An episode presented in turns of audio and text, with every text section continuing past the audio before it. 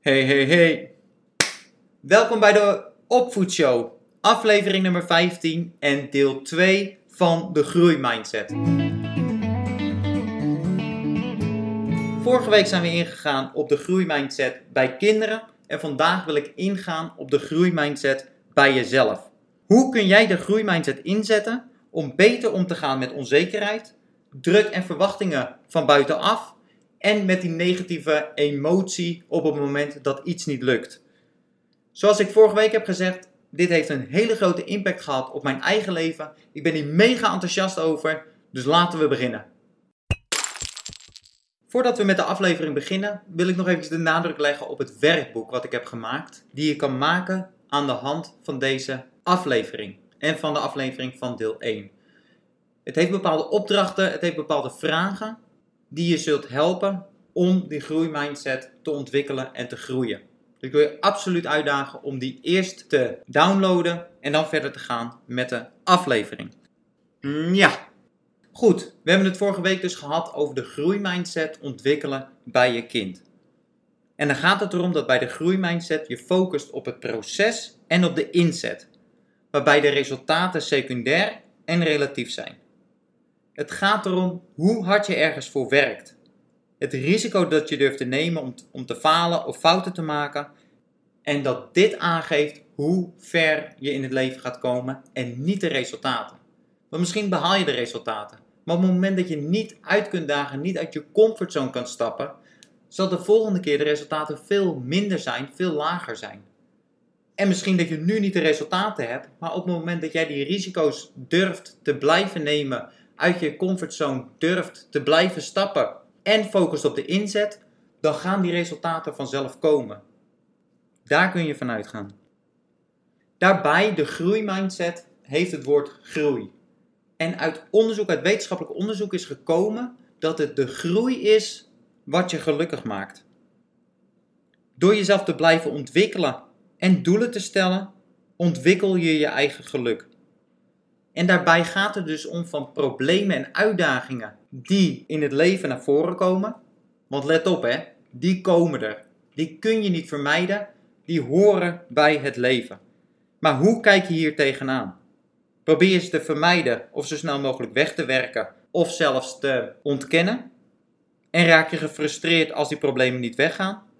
Of omarm juist problemen als een uitdaging en een manier om te groeien wat je dus weer geluk gaat opleveren.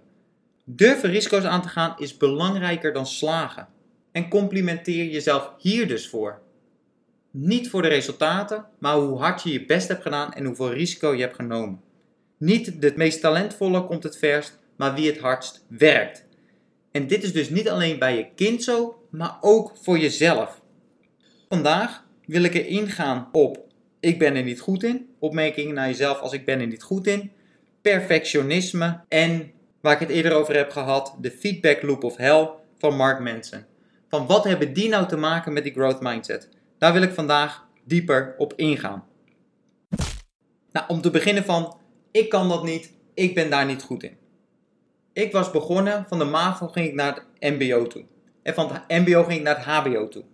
En in de eerste week van het HBO werd ons verteld dat we veel moesten presenteren. Nou, met het groepje met wie ik was, deelde ik dat presenteren, dat is niks voor mij. Ik kan niet voor groepen staan. Ik ben daar niet goed in. Ik ben daar niet voor gemaakt. Ik wil dat niet. Ik ben een introvert en presenteren is niet mijn ambitie. Vervolgens kwamen we in een groep terecht en moesten we doelen gaan stellen voor dat jaar. En tijdens het maken van die doelen duwde dat groepje met wie ik was, duwde me eigenlijk in de richting van ja, jij zegt dat je niet goed bent in presenteren. Dus moet dat eigenlijk jouw doel zijn voor aankomend jaar? Ik was ambitieus, dus ik stelde mezelf die doel om te gaan presenteren. En wat er gebeurde is dat met elk project wat ik deed, ik degene moest zijn om aan het einde te mede presenteren of alleen te presenteren. En ik kan het me nog heel erg goed herinneren van hoe die presentaties gingen. Van het was een soort van out-of-body experience. Dat ik had de tekst woord voor woord uit mijn hoofd geleerd. En nou ja, bijna met, met zwetende handen en trillende handen stond ik daar die woorden die ik had geleerd, eigenlijk als een soort van automatisch uit te spreken, terwijl ik daarboven hing en die out-of-body experience had. Maar wat er gebeurde, was dat met elke presentatie ik dichter terug naar het lichaam kwam. Ik veel bewuster werd, eigenlijk veel ontspannender werd. Veel minder de woorden uit mijn hoofd ging leren. Maar dat ik op het laatst gewoon alleen nog met een aantal steekwoorden voor de groep stond te presenteren. En dat het me eigenlijk heel erg gemakkelijk afging. Dus door dat te blijven oefenen, ben ik mezelf daarin gaan ontwikkelen. En vandaag de dag vind ik het helemaal niet erg meer om voor een groep te staan. En dat is dus de kracht van uit je comfortzone te stappen om iets te oefenen. Van in het begin is het eng, maar in no time gaat je jezelf eigen maken, het automatiseren en valt het eigenlijk allemaal heel erg mee. Daarbij is het ook heel erg de vraag van ben jij geboren met een achterstand of is er een andere ontwikkeling gaande?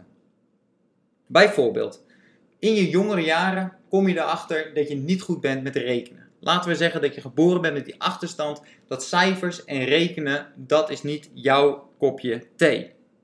Je hoort dit van docenten, docenten vertellen dat aan je ouders en je ontwikkelt daarmee eigenlijk onderdeel van je identiteit van ik ben niet goed in rekenen, ik heb waarschijnlijk dyscalculie en rekenen is niks voor mij.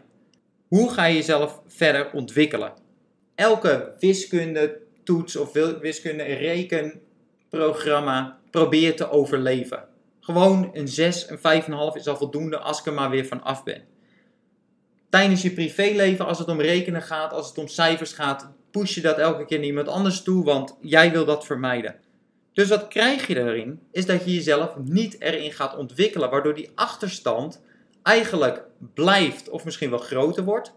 Wat vervolgens bevestigt dat je er inderdaad niet goed in bent, waardoor je het nog meer gaat vermijden, waardoor je nog meer achterstand krijgt en dat je in die visueuze cirkel terechtkomt. En dat is dus een klassiek voorbeeld van een vaste mindset. Dat je iets waar je niet goed in bent onderdeel maakt van je identiteit, waardoor je dat gaat vermijden, je niet in gaat ontwikkelen, waardoor je dat jezelf blijft bevestigen en waardoor je dat in stand houdt. Wat zou er gebeuren dat als je in je jonge jaren blijkt dat je niet goed bent in rekenen en dat je daardoor extra inzet toont?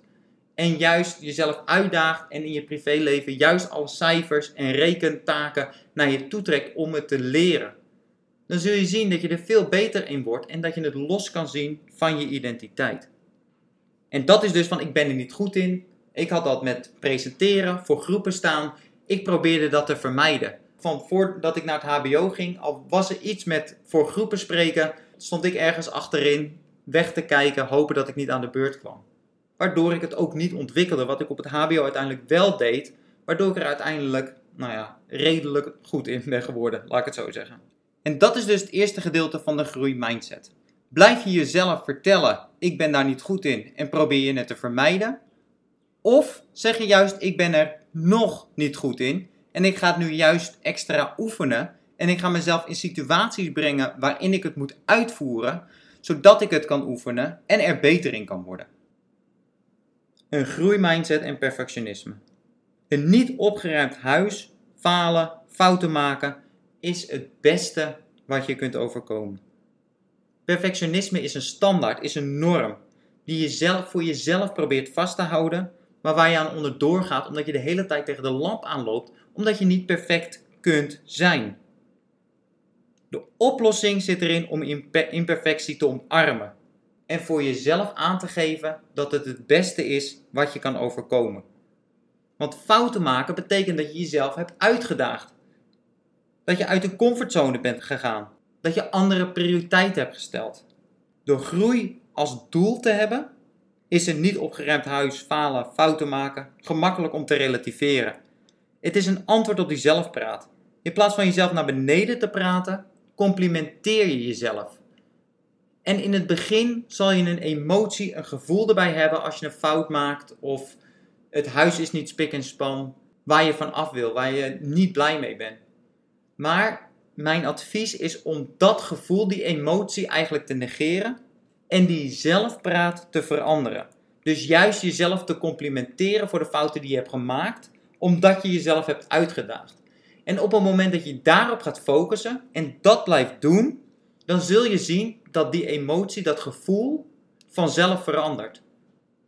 En daarvoor heb ik een klein beetje vertrouwen van je nodig om dit aan te gaan. Om die zelfpraat te veranderen en te zien op welke manier het je emotie zult veranderen.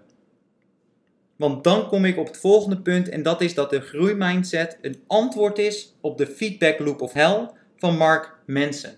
En die feedback loop of hell gaat eigenlijk om een gevoel over het gevoel. Dus dat je snel boos wordt bijvoorbeeld en dat je dan ergens boos om bent geworden, dat je daarvan baalt en dat je eigenlijk boos wordt om de boosheid. Of dat je gestrest raakt van de stress, gefrustreerd van de frustratie etcetera, etcetera. En de groeimindset hier is hierin een power tool om die emoties onder controle te krijgen. Om die emoties te accepteren. Je mag namelijk boos zijn, gefrustreerd zijn, gestrest zijn. Dat zijn hele normale emoties die je zelf, zelfs in het leven nodig hebt om te kunnen functioneren. Maar het gaat er dan niet om dat je jezelf naar beneden praat omdat je die emotie voelt, maar juist met die groeimindset om ermee om te leren gaan. Het is oké om af en toe boos te zijn of om te snel boos te zijn. Maar wat doe je om ervan te leren, om ervan te groeien? Word je agressief van de boosheid? Of pak je de verantwoordelijkheid en zeg je van: ik laat me boos maken en wat kan ik nou doen dat ik me niet meer boos laat maken? En daarin kun je dus uitgeven: jongens, laat mij maar even met rust, ik ben boos en dat mag. Boom. Niks meer aan doen. Dat is alles wat ik van je vraag. Je pakt dus de verantwoordelijkheid van de emotie. Je kijkt niet meer naar degene die jou boos heeft gemaakt, maar je focust erop dat jij je boos hebt laten maken. Je bent niet meer het slachtoffer van een situatie dat je je zo voelt, maar met de groeimindset dat je het hebt laten gebeuren en dat je die intentie stelt om daarmee aan het werk te gaan, daarmee aan de slag te gaan. Wat kun jij doen om dit de volgende keer te vermijden? En wat je dan hebt is controle. Je hebt controle over de situatie, waardoor je je veel meer empowered voelt en de lading van de situatie veel minder wordt. Het lukt je nog niet om die emotie naast je neer te leggen. Door te oefenen en vaak in de situatie terecht te komen, kun je het leren. En dat is een belangrijke, ik ga hem nog een keer zeggen. En door in de situatie te komen, kun je het oefenen en leren.